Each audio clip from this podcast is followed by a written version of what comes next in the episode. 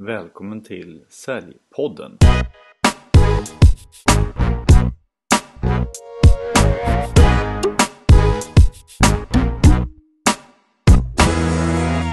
I det här avsnittet av Säljpodden så träffar jag Henrik Hill Författaren till den smått kultförklarade boken Cowboysäljaren och som eh, inte alls är rädd för att sticka ut hakan vad det gäller att komma på nya idéer och nya tankar om försäljning och hur vi ska utveckla oss som säljare och människor. Han har eh, massor med järnelden och i den här intervjun ska du få höra hur han resonerar runt oss som säljare, runt cowboysäljaren och hur diskprofilen kan utvecklas. Idag har vi en riktigt spännande gäst med oss i Säljpodden, nämligen Henrik Hill. Han är bland annat författare till böckerna Cowboysäljaren och Mer lattjo än macho. Han är säljkonsult, poet, affärsutvecklare och en nytänkare som sticker ut inom säljvärlden. Så man kan väl lugnt säga att du kan en hel del eh, om försäljning, Henrik? Hej Mattias! Tack för att jag får vara med i din uh, trevliga säljpodd. Ja, något har man väl lärt sig inom sälj sen med 30 års erfarenhet och skrivit en bok som har blivit en liten kultklassiker, Cowboysäljaren. Precis. Och jag tänkte så här att innan vi kommer in på den här boken Cowboysäljaren och den andra eh, Mer lattjo än macho mm. eh, och, och ditt nuvarande arbete och dina projekt så tänkte jag att vi kunde prata lite om din bakgrund. Ja. Ingen kan väl ta miste på att uh, du är en riktig stockholmare? Tycker du? Tycker verkligen min dialekt är 08? Den är inte från Skåne då? Men är du så att säga born and raised i uh, Stockholm eller? Jag är 08, jag är Söderkis så att absolut, det reflekterar ju min Eh, 08 dialekt så att eh, uppväxt på Söder sen är uppväxt även i Åkersberga lite utanför. Men sen eh, flyttade jag tillbaks igen till älskade Stockholm på 80-talet. Så jag har blivit eh, Stockholm trogen. Ja, härligt. Men du, vad gjorde du? Vad, vad har du liksom eh, lärt dig om försäljning? Vad jobbade du med innan och, och hur kom du in på det här med försäljning? Nej, det, det har varit ganska naturligt. Min älskade far, han jobbade med sälj. Han var entreprenör och egen företagare inom livsmedelsbranschen. Så att eh, det var naturligt redan från barndomen. Andra sitter och planerar charterresa så att Hillsläkten och planerade produkter, analyserade tjänster, produkter, hur man ska marknadsföra dem, sälja dem. Så att man har väl, man har väl tidigt blivit lite allmänt störd av säljtänket. Mm. Men var, var, var, fick du liksom själva känslan av att äh, jag ska nog också hålla på med försäljning? Det var mer slump. Redan vid nio års ålder, nio, tio års ålder satte jag upp en godisbutik där vi bodde i Åkersberga i nedervåningen på uh, villan. Och uh, pappa jobbade som sagt inom livsmedel och hade massa godis. Och då tänkte jag, kan jag lika gärna knacka dörr och bjuda in uh, grabbarna, ungarna i området. Eh, så jag sålde godis i nedervåningen. Och populärt ställe att komma till. Ja, det var väldigt bra. Det gick för bra så att jag var tvungen att lägga ner efter en arg jävla morsa eh, gav mig, eh, jag och mina föräldrar en utskällning att ni ska fan inte sälja godis till mina ungar. Eh, men nåväl, det är en ganska kul anekdot. Men sen var det väl när jag lämnade plugget, tog eh, studenten på 80-talet efter ekonomexamen och efter lite olika ekonomigrejer så var det väl att det var ganska naturligt. Det var det jobb jag fick och jag har blivit ganska bra på det så det har, det har liksom rullat på inom sälj. Mm. Men vilka, inom vilka branscher har du jobbat då? Ja, ganska många. Eh, livsmedel naturligtvis, genom min älskade far. Där har ju mycket rötterna. Eh, där var jag med far generalagent, så jag såg hela säljprocessen. Vi var nere i olika livsmedelsmässor ute i Europa, Tyskland, Paris och rotade kontakter med, fabrikan med fabrikanter. Så att på det sättet var det en stimulans. Jag såg hela processen. För många säljare ser bara en liten slice, en liten del av processen. Men eh, genom, eh, jag jobbade med FAR och såg allting och rota in en produkt initialt från fabrikanten in till Sverige med förhandlingar på huvudkon huvudkontor med ICA, Konsum och så vidare, Bergendalsgruppen. Mm. Och sen vidare till detaljist, grossist och detaljist. Så att det var väldigt stimulerande. Alltså, så att jag har väl sett alla delar av sälj och det, det gör att jag har en, ganska, en god förståelse för hela säljprocessen. Mm. Men har du gått eh, ett gäng utbildningar och sånt och vidareutvecklat eller vidareutbildat dig inom sälj också? Ja, jag är ekonom i botten och jag har gått även Lexikons säljutbildning. Eh, på ett halvår. Så att det är ju så käckt. I Sverige ska man ha certifikat på allting. Det är väldigt viktigt. I Sverige det är väldigt viktigt.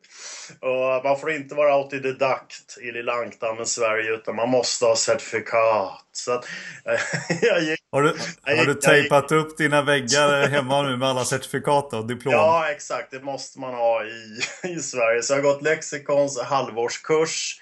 Eh, och det är ju väldigt bra att ha det pappret, att man eh, kan förhandlingsteknik, man har gått eh, när checka disken med massa frågor som skickas till psykologer i USA.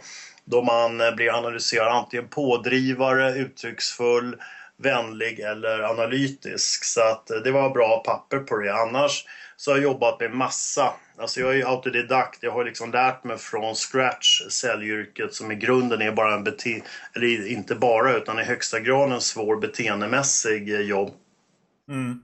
Jag tänkte att du skulle komma in på det om en liten stund, eh, eh, de här bitarna. Men eh, först så vill jag givetvis fråga dig det här med cowboysäljaren, den boken mm. som du skrev med Mats Hultberg. Ja, ja. Hur kom du på idén att du skulle skriva en bok som heter Cowboysäljaren? Ja, först av allt vill jag tacka Anders Lind på Mongara konsultgrupp. Det var han, eh, tack Anders, det är genom honom vi fick överhuvudtaget möjlighet att förverkliga cowboysäljaren. För att min kollega Mats Hultberg, han jobbade som konsult där och han introducerade mig för Anders Lind. Så att ett stort tack eh, att den överhuvudtaget har kommit ut på marknaden och blivit en kultbok. För att mycket av mitt varumärke är ju eh, cowboysäljaren. Så att det var så att jag och Mats var jäkligt trötta på alla check management-litteratur där man rapar ungefär samma sak inom sälj. Det är säljtrappan, det är lite checka standardprocesser, lite checka disktekniker. Eh, och då tänkte vi skulle vara lite lätt lustifikativa och innovativa. Så då skrev vi ihop Cowboysäljaren som är en humoristisk eh, bok över säljyrket. Sen finns det en hel del korn som är väldigt relevanta genom våra storytelling där jag intervjuade säljare, deras hur absurt och hur det kan vara verkligen ute på fältet. Alltså distinktionen mellan bara man läser teori och hur det ser ut i praktiken. Mm. Jag läser baksidan här. Jag har ju den här boken själv nämligen. Ja, roligt. Ja, tack eh, Cowboysäljaren. Sälj först och fråga inte sen. en liten rolig one-liner. Ja. Mm. Och att det står att cowboymetoden är ingen säljteknik i egentlig mening utan har mycket lite att göra med flashiga teorier, pilar och diagram. Ja. Cowboymetoden är istället en, en attityd till rå, målstyrd och resultatorienterad försäljning. Ja. Som handlar om att eh, det är viktigare att man gör saker, att man agerar än vad man ja. faktiskt gör.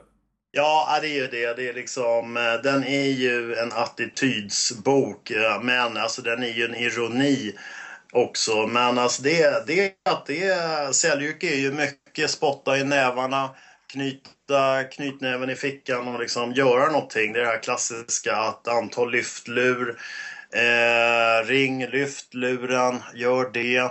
Men sen, sen måste jag ju säga liksom att den är ju en humorbok. Alltså mm. jag, jag själv eh, kräks ju på liksom det här klassiska lyfta lur 110 gånger och det tror jag gudskelov de flesta gör. Alltså samhället har ju utvecklats. När jag började så var det eller är standardmatriser. Om du, om du under en timme lyfter de här luren eller gör de här besöken då exekverar du antal besök som i sin tur enligt standardmanualen exekverar dessa avslut. Och gudskelov så, alltså människor är ju inte robotar utan vi är ju människor gudskelov av kött och blod och kärlek. Så att eh, den, sen, ja, sen alltså cowboysen måste man ju se som en kul eh, humoristisk om säljyrket. Eh, så att jag är ju själv motståndare till robottänkande. Alltså jag förespråkar ju istället att man måste se på varje individ.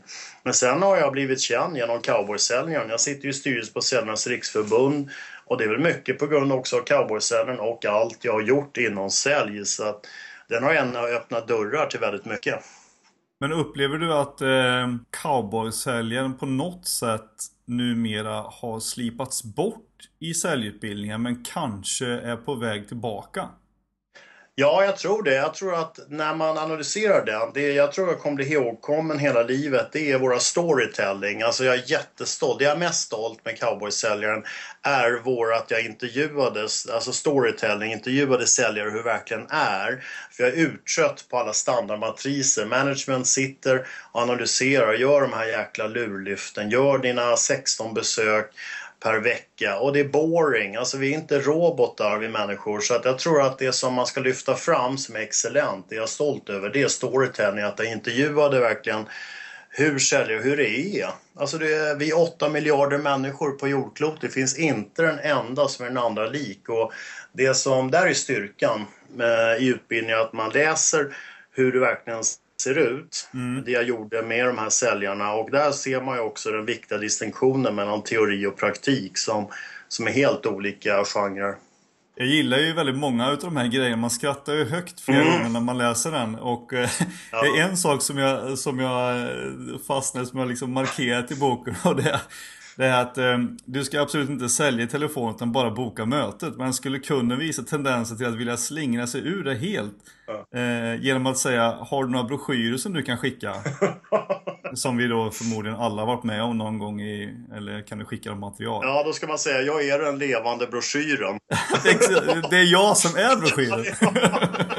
ja, vad roligt. Alltså, det är en sån här standardgrej. Den har slagit igenom, för jag älskar den one-linen. Den är, den är underbar, den funkar. Jag är ju broschyr, jag behöver inte skicka över någonting. Jag är broschyren, jag, när passar det? Tisdag klockan 10.00.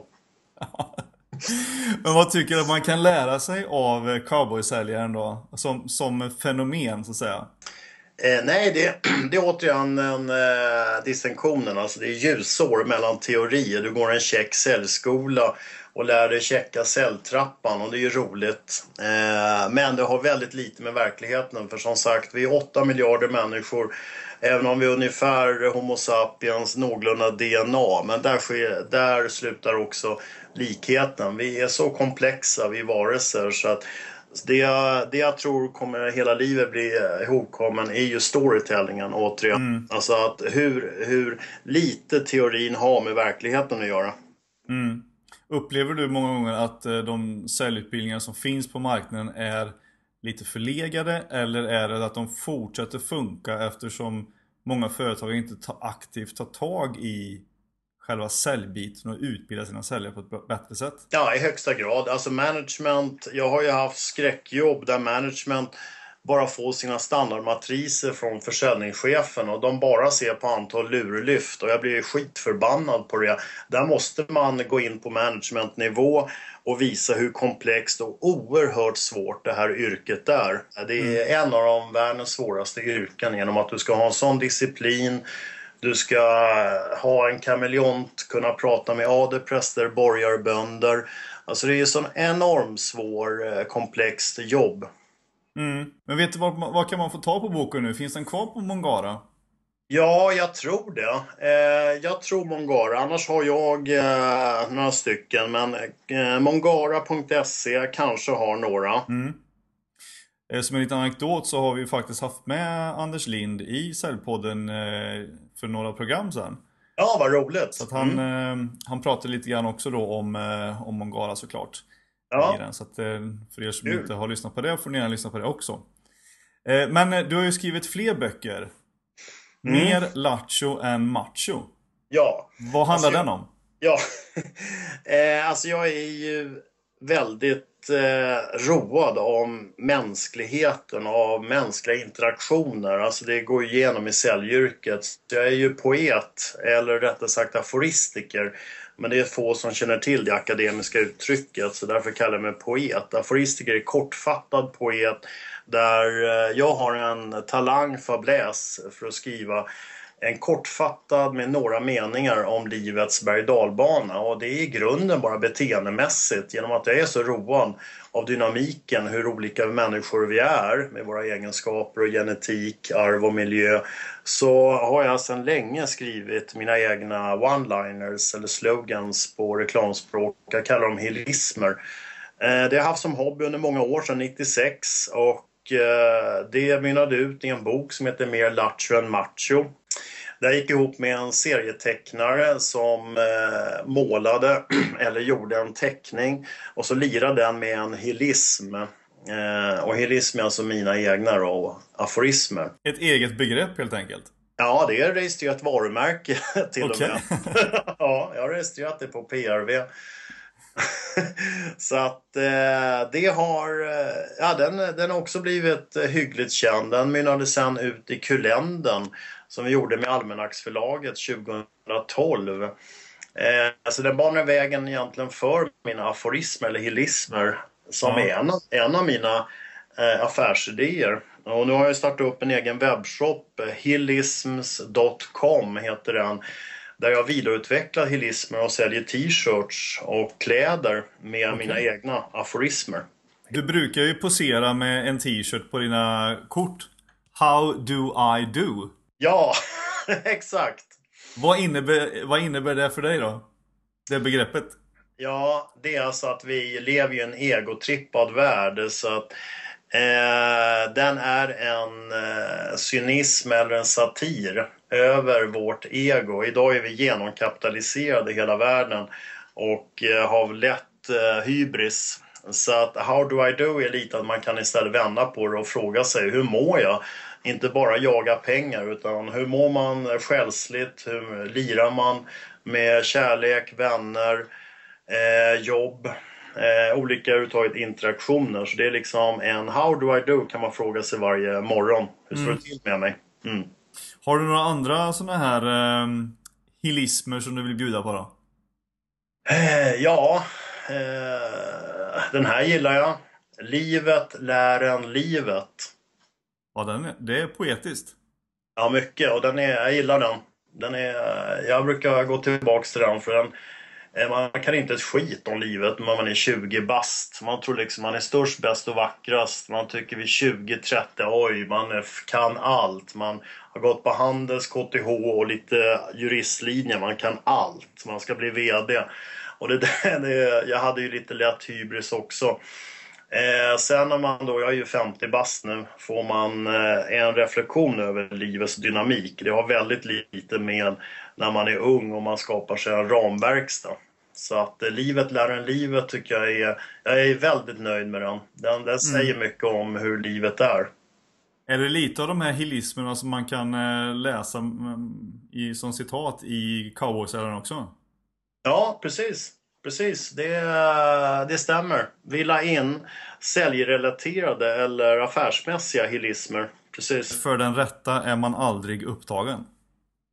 ja, det är en hilism. Det är det, ja. det, är en, det tror jag är en hilism. Ja. Och det där stämmer ju faktiskt ganska väl. Mm, mm. Eh, men eh, du har ju faktiskt också ett annat ganska udda intresse. Mm. Du är ju storsamlare på tändsticksaskar. Ja, precis. Berätta lite om det. Ja.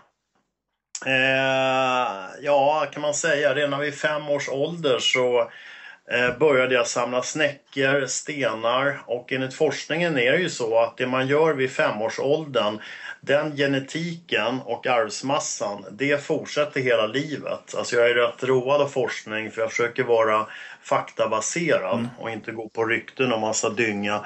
Utan forskningen säger det och i mitt fall så stämmer det och jag tror generellt det gör det. Alltså man ska analysera vad man gjorde tidigt och när jag samlar har jag en stor gen Alltså den har varit genomgående hela livet. Mina älskade hilismer hade jag sedan 96. Eh, men då var jag över 30. Eh, jag har fortsatt med det sedan dess. Men samling har jag hållit på med sedan 5-6 års ålder och samlat massa grejer. Och eh, tändsticksaskar är väl det jag mest publikt eh, känd för. Jag har varit med liksom i radio, TV, tidningsartiklar, varit med i Sveriges Television och eh, suttit i frukost-TV. Berättat om hur att ha en av världens finaste samlingar. Den har varit omnämnd i Guinness rekordbok Oj. bland annat. Mm. Ja, det är inte många som har ett Guinness rekord. Nej, äh, det är jag jättestolt över. Hur många tändsticksaskar har du? Ja, då när jag kom med i Guinness hade jag 10 000. I, eh, det är ju svenska upplagan editionen ska ju poängteras, och det är inte världsupplagan. Men nu har jag ungefär 14 000. Men jag var med fem år. 92 till 96 var jag med i Guinness svenska upplagan och det är jag helt stolt över. Ja, vad häftigt. Mm. Men alltså, ehm, om man har 14 000 tändsticksaskar, är de alla olika? Ja, absolut, absolut. Eh, de är olika och i närmast perfekt skick. Jag menar, det som gör min samling världsunik, det är ju att de är i så gott som mint perfekt skick. Många har ju massa, många fler, kanske upp mot 100 000 ute i världen, men många ser förjävliga ut. Mina 14 000 är från 1800-talet och framåt i närmast perfekt skick, så det gör min samling unik. Och det, ja, och det har dessutom utvecklats sin affärsidé. Otroligt. Mm. Men om vi pratar lite grann om det som du ehm, eh, nämnde i början här då om eh, beteenden och eh, säljbeteenden. Vi pratade lite grann om disk, eh, att du hade gjort lite utbildningar undan, eller gått utbildningar den. Men sen så har ju du startat ett nytt projekt ganska nyligen Ja. som touchar på det här. Ja, det kan man säga. Jag har ju analyserat mycket. Genom Säljarnas riksförbund får man ju gå på väldigt mycket. Det är en fördel, ynnest man har att sitta i styrelsen. Eh, och jag har frapperande ofta varit förvånad över varför inte Sälj-Sverige eller säljvärlden utvecklas. Jag har ju eh, hört på Brian Tracy, jag har hört på alla olika konsulter i Sverige. Och frapperande är det ungefär samma vinylskiva. Eh, man går sälj, man eh, går enligt disken, en liten check, eh, enkät som skickas till USA eller några psykologer. Och antingen pådrivare eller så är du uttrycksfull, snackar som tusan eller så är du vänlig, kommer med kanelbullar. Eller så är du analytisk och analyserar varje mening. Eh, och det där är, jag är trött på det där. Jag är ju i min personlighet affärsutvecklare. Jag tänker mycket i det oavsett om det är mina hilismer eller mina samlingar. Och det gäller ju i högsta grad mitt tänk och min gedigna erfarenhet inom sälj. Och så har jag tänkt att det här är ju boring. Det här måste vidareutvecklas. Människan är på tok för komplex med arv och miljö, våra fobier, våra trauman, våra demoner, eh, vad vi är i syskonskaran. Eh, om vi har husdjur, om vi har gjort lumpen och så vidare. Bla, bla, bla. Vidare, vidare, vidare. Alltså vi är komplexa. Snälla någon. Mänskliga Homo sapiens hjärna är mest komplexa som djurriket någonsin har eh, uppfunnit. Och det har gjort att under många år har jag grunnat min kammare att det här måste utvecklas vidare. Så att jag har tagit eh, vidare, jag har en liten enkät. Den är långt ifrån klar men den är en mer dynamik över eh, beteenden av oss människor. Mm. Så att man inte bara ska delas in i de här färgerna som man normalt sett gör. Ja, ja, det är jätteboring. Alltså är du röd, då är du pådrivare och är kort och konkret. All right, ja, det är ju roligt. Alltså VD-ämne. Eller så är du gul, uttrycksfull och älskar att prata och tycker det och pratar om hobbys och dina fritidsintressen i tre timmar. Eller är du grön, vänlig och kommer alltid med kanelbullar och jättebra för teamet. Det måste vara den som sitter och nickar. Eller så är du blå, analytisk och analyserar varenda liten parameter, varenda liten algoritm och tycker det är roligt. Och alltså jag är, jag är förvånad över att det har hänt så lite på säljområdet eller beteendemässigt. Så att jag har, eh, jag har två samarbeten nu. En med en beteendevetare Mm eh, som vi håller på att titta på en mer mall över hur vi driver den där vidare. Och jag vill inte kalla den disk, alltså det kommer inte ha med det. Den är mycket mer komplex. Men den kommer alltså inte vara någon eh, svår psykologisk enligt Jung. För det, det är larvigt att kalla mig det. det är jag, är ingen psykolog. Jag är däremot tycker jag duktig beteendevetare. Jag har lätt att se människor. Jag har lätt att se vad man kan, deras svagheter, styrkor. Den håller vi på och sätter från, grundar sig på den enkät jag tog fram för eh, ja, ett tag sedan. Och sen det jag kommunicerade ute i, på LinkedIn var att jag hade samarbete med en säljkonsult och han jobbar med vanliga säljhinder och disken. Just det. Så det, men jag har sagt det, det har jag kommunicerat på LinkedIn, att det jag, min styrka i att eh, kunna dra det där ett steg vidare för att få en mer eh, effekt av vad, vilken vi människor är. Och jag vill också poängtera att det är en kommersiell produkt så det är liksom inget eh, psykologisk psykodynamik utan den är applicerbar för att höja verkningsgraden ute på företagen. Mm. Så man kommer kunna applicera den här på till exempel sina sälj, säljare, säljorganisationen när den är färdig? Ja, absolut. Och vad absolut. är det man vill uppnå så att säga då? då? Nej, mer förståelse. För att du kan liksom sitta med säljhinder och disken men det hjälper ju inte om Kalle är skitdeppig. Han kanske har en fobi. Eh, känner sig jättenere. Du får ju inte någon dynamik i analysen eller om han är i mitten av syskonskaran som påverkar. Alltså det är klassiskt som Bill Gates var yngsta barn och är påverkad av sin drivkraft. Eh, vi, det är det jag håller på med, jag vässar upp hela det där. Mm. Och, och som sagt, ju mer förståelse för du får för dina medarbetare i företaget, desto mer kan du höja verkningsgraden. Dessutom ta hand mer om dina medarbetare så de mår bra. Men vilka har varit de största utmaningarna med, med det här då? Att utveckla det här? Ja, det är ju mycket liksom analysera marknaden, hitta en balansgång mellan det kommersiella, det som redan finns och även lite psykodynamik. Alltså analysera allt från Jung och vidare och svårigheten har varit att hitta en balans där för att eh, jag eh, är rak med att det är en kommersiell tjänst som vi håller på, eh, den, den ska det ska inte vara någon mambo jambo i psykodynamiken eller någon psykiatrin utan det ska vara en kommersiell tjänst som VD management har nytta av för att eh, göra sina medarbetare gladare, nöjdare och eh, framförallt höja verkningsgraden hos dem. Okej, okay. så vilka blir eh, kunderna sen då? Eh, jag tror att kunderna både blir bemannings rekryteringsföretag eh, tror jag är en stor målgrupp för eh, våran tjänst. Eh, jag tror även management eh, på säljsidan, marknadsavdelningen, tror jag.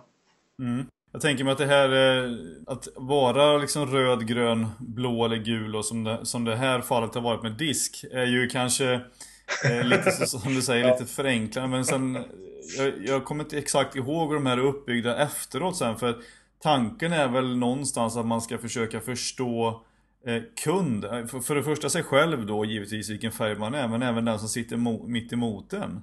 Ja, precis. Den är dubbeleffekt, precis. Och att man då ska kunna liksom eh, vända kappan efter vinden om man säger så. Anpassa sig efter mm. personen framför och då ska du kunna ställa rätt frågor som har med fakta eller som har med känsla eller upplevelse mm. vad det kan vara. För att matcha ja. den här gula. Men det är väl, eh, det är väl ganska mycket mer som eh, behöver tas ut ur de här? Ja, absolut. Och dessutom är det lite tragikomiskt. Ska du då och då som uttrycksfull komma ut i förhandlingsbordet och fråga kära, kära förhandlare eller inköpare eller presumtiv kund. Är du analytisk? Är du blå? Ska du... är det okej okay om jag först initialt frågar det? en snabbskanning. ja. Ja, det vore, ja. det vore excellent om du kunde informera mig om det, kära presumtiva kund. ja, jag antar, vi får väl ta dem i försvar som är utbildade på disk också, att de har säkert bra, bra förklaringar till hur man ska göra det där. Absolut, absolut. Så att, alltså, det är lite tragikomiskt, men alltså, det, det handlar ju om beteendemässigt, men som sagt, man ska jag respekterar full disken och säljhinder det är ju som min säljkollega har som gör workshops så med all respekt alltså det är en bra basal, bra information som förenklar säljarbetet. Det ska man inte sticka under stol med. Det jag håller på att utveckla sagt är en, en mer avancerad variant för som sagt människan är väldigt komplex varelse. Mm. Vad tycker du om de eh, beteenden som fortfarande uppvisas då inom säljvärlden? Nej, jag tycker, ja tyvärr, macho-beteenden tycker jag är så boring.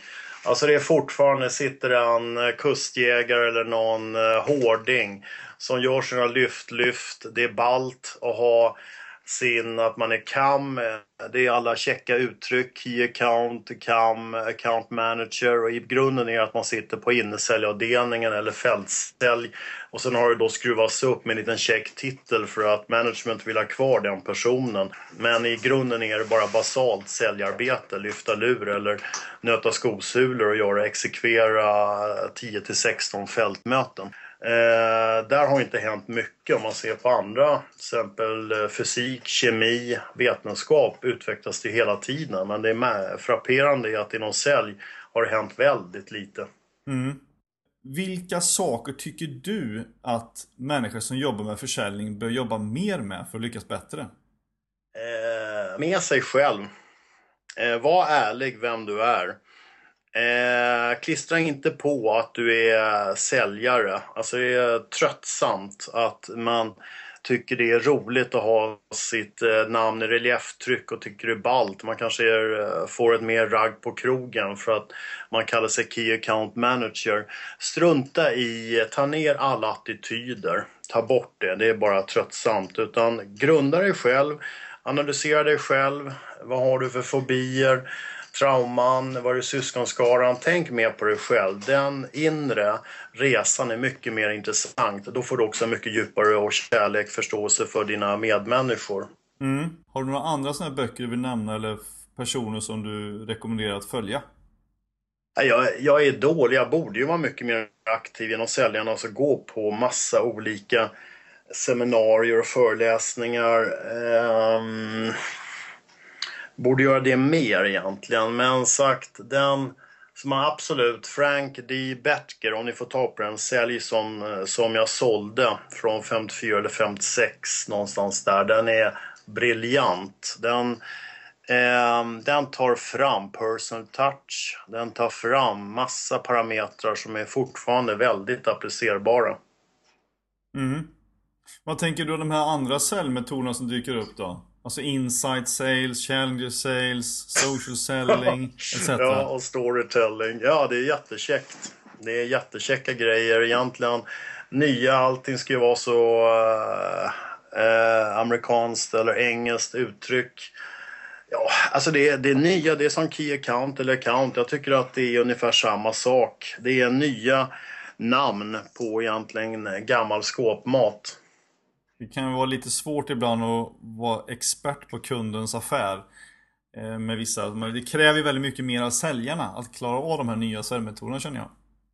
Ja absolut och därför är det ju jätteintressant när man då hör Alexander Bard eh, som jag tycker är häftig. Han vänder mycket på begreppen. Alltså, han är ju så eh, anti-Jante och det älskar jag. Mm. När han säger att inom 15 år kommer vi ha tagit bort säljyrket. Alltså det tycker jag ger en varningsklocka. Det är en jätteintressant tes som han lägger fram att idag kunden kan så otroligt mycket om leverantören så man, man får ändra hela säljstrukturen. Mm. Och vad skulle det bli istället? Ja, då kan man använda HILS, psykodynamik. Då kan man försöka förstå mer av sig själv i ett kommersiellt perspektiv. Kanske jobba mer med service istället för ren försäljning? Ja, det, det, det kommer bli mycket så, mm. precis. Eh, vad skulle du vilja göra mer av då i framtiden som du inte har gjort hittills? Ja, jag vill sätta mitt restaurangkoncept. Eh, jag jobbar förutom den här manualen eller som, jag, som precis vi diskuterat. Eh, jag jobbar mycket med mitt globala restaurangkoncept som jag döpt till ILC, Eating, Loving and Collecting, som bygger på mina samlingar. Eh, där behöver jag hitta en krögare som inte är nöjd med sin omsättning. Där har jag utarbetat en affärsutveckling som höjer en restaurangs koncept. Okej, okay, så det, vi, vi sträcker ut handen här kan man säga till eh, krögare som lyssnar på detta? Ja, absolut. Så krögare, ni som har restaurang, har jag ett koncept eh, som höjer er omsättning. Det är, restaurangbranschen har liksom sälj gått eh, också bara, jag har jobbat själv på restaurang, har gått eh, i en, det utvecklas för lite. Man måste hitta nya koncept, nya möjligheter att eh, få in intäkter. Mm. Och då kommer du applicera dina samlingar i de här restaurangkoncepten? Precis. precis. Om, eh, om man vill få kontakt med dig då, hur gör man då? Ja, kan man gå in på min hemsida henrikhill.com eller adda mig på LinkedIn. Det är mitt forum genom att jag inte hinner springa på alla olika frukostmöten och så vidare. Eh, Så LinkedIn är mitt stora forum. Eh, Det är bara att adda mig där. Jag är jätteaktiv varje dag på LinkedIn. Yes, då får ni göra det ni som lyssnar. Vill ha kontakt med Henrik. Mm. Men du Henrik, stort tack för att du tog dig tid att vara med i Säljpodden. Ja, tack själv Mattias att jag fick vara med. Jättestort tack. Och dela med dig av dina erfarenheter och kunskaper om försäljning och höra om alla dina projekt och samlingar. Ja, ja roligt. Och än en gång tack Mattias att jag fick ynnesten att vara med hos dig. Ja, tack själv. Stort lycka till nu i fortsättningen. Ja, vi håller kontakt. Må bäst. Absolut. Ha det gött. Bra, hej.